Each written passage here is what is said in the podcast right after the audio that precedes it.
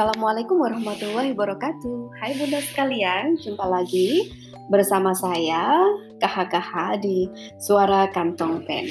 Nah, apa kabar hari Minggunya? Ini sudah tidak pagi ya. Kalau di tempat saya pukul 11, mungkin kalau untuk teman-teman yang di uh, eh, WIB masih pukul 10. Nah, hari Minggu ini apa hal yang menarik buat Anda? Nah, untuk keluarga kami biasanya kalau hari Minggu itu adalah uh, waktu khusus yang kita luangkan untuk keluar dari rutinitas. Jadi Sabtu, uh, Senin sampai Sabtu kita sudah sangat banyak sekali beraktivitas uh, secara berkaitan dengan hal-hal yang rutin begitu. Nah, hari Minggu itu adalah waktu kami bersama keluarga untuk eksplor sesuatu yang baru yang menyenangkan buat kami. Nah, berkaitan dengan itu hari ini hmm, pagi ini kita mulai dengan bersih-bersih bersama. Mulai dari yang paling kecil sampai juga dedinya kita berbagi tugas. Ada yang masak, ada yang bersih-bersih, ada yang uh, menata tempat tidur dan lain sebagainya. Kemudian dilanjut dengan olahraga. Nah, saya memilih treadmill yang jalan di tempat itu itu lebih ringan. saya mungkin ini ya satu hal yang harus uh, diperbaiki adalah harus gemar sebenarnya berolahraga. Nah untuk saya uh, ini harus lebih uh, tertib lagi. Nah kemudian setelah olahraga bersama putri saya memasak um, semacam odading yang lagi viral itu untuk sarapan juga kita uh, mencoba minum satu hal yang baru yaitu minum minuman sehat buah yang kita buat jus dengan sedikit manisnya tidak banyak. Ya hmm, tomat juga wortel juga makan strawberry di pagi hari ini. Nah saya belum membuka laptop saya nah, karena memang diniatkan untuk eh, melakukan suatu hal yang berbeda. Nah Uh, sambil melakukan hal-hal santai, saya tadi juga mendengarkan satu uh, ini ya obrolan dari channel favorit saya yaitu Six Minute English sedang membahas tentang um, gaya hidup. Iya, tentang gaya hidup uh, bijaksana hemat atau menjadi konsumeris begitu.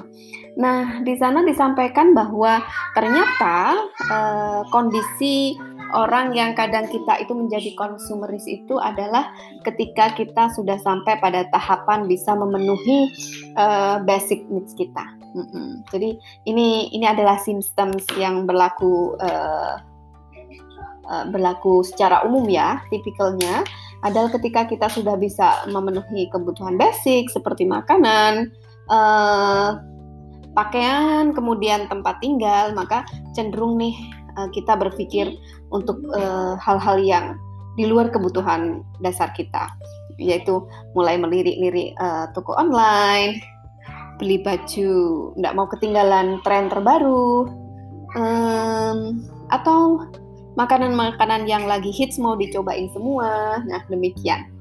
Nah, untuk itu uh, yang relevan buat kita sebagai ibu, uh, sebagai manajer dari rumah tangga adalah benar nggak sih sebenarnya kita itu sudah memenuhi basic needs. Nah, uh, bagaimana bunda sekalian mendefinisikan basic needs nih?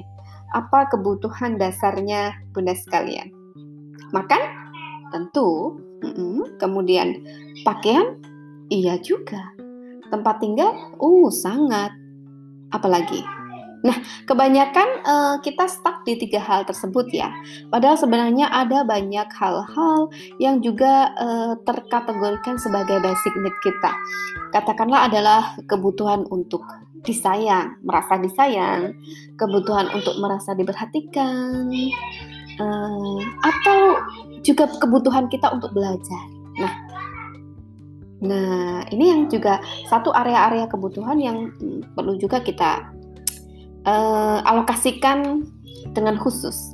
Nah, kalau berkaitan dengan suatu hal yang uh, menggunakan uang terkait dengan uh, spending time uh, spending money wisely tadi, mungkin akan sedikit membahas tentang kebutuhan kita untuk belajar kali ya. Nah, eh, seberapa banyak dari Bunda yang punya alokasi khusus uang untuk belajar atau mengalokasikan waktu khusus untuk belajar? Nah, ternyata belajar hal baru ini juga akan mengurangi kita dari merasa uh, tidak bermakna atau dari rasa cemas, tidak percaya diri, dan satu emosi-emosi negatif yang lainnya. Uh, dengan belajar itu ternyata akan membuka wawasan kita, tentu ya, tapi efeknya juga kita menjadi pribadi yang lebih uh, pasti begitu ya, jalan dengan penuh uh, percaya diri uh, untuk mengembangkan diri ke satu yang lebih baik. Nah, ini uh, untuk saya biasanya saya juga mengalokasikan waktu khusus atau mungkin dana khusus untuk uh, belajar. Nah, di di uh, masa pandemi ini khususnya itu sangat terasa sekali. Jadi uh, di bulan-bulan pertama itu satu minggu bisa bisa dihitung saya belajar sampai tiga kali webinar. Hmm. Nah, dari baik skala nasional maupun internasional. Nah, kemudian ternyata tidak sampai berhenti di situ dari dari mengikuti banyak program pengembangan diri, ternyata saya semakin paham eh, kebutuhan saya. Nah, akhirnya dengan tahu kebutuhan saya itu saya eh, juga berpikir wah ini ada uh, workshop online yang berbayar, tapi saya butuh nih.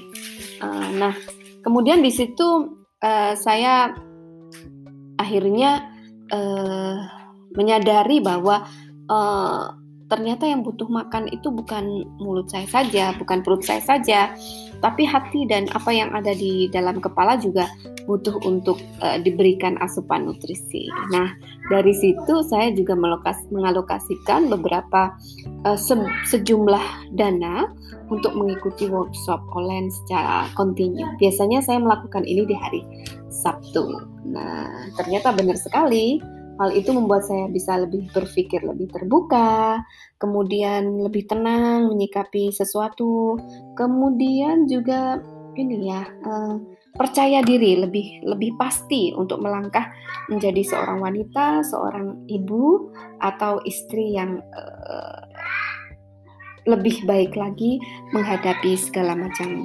kompleksitas. Nah, untuk untuk bunda sekalian bagaimana? Nah, ini bisa di uh, mapkan atau diatur berdasarkan kebutuhan masing-masing. Oke, Bunda sekalian, uh, eh, 8 menit kita bersama. Terima kasih banyak telah mendengarkan dengan uh, hati yang begitu terbuka, juga kehangatan waktunya. Selamat uh, beraktivitas bersama keluarga, selamat melakukan hal-hal yang baru, dan selamat uh, bertumbuh dan berkembang menjadi lebih baik lagi. Sampai jumpa di episode selanjutnya. Salam dari saya KHKH di dalam suara kantong pena. Assalamualaikum warahmatullahi wabarakatuh.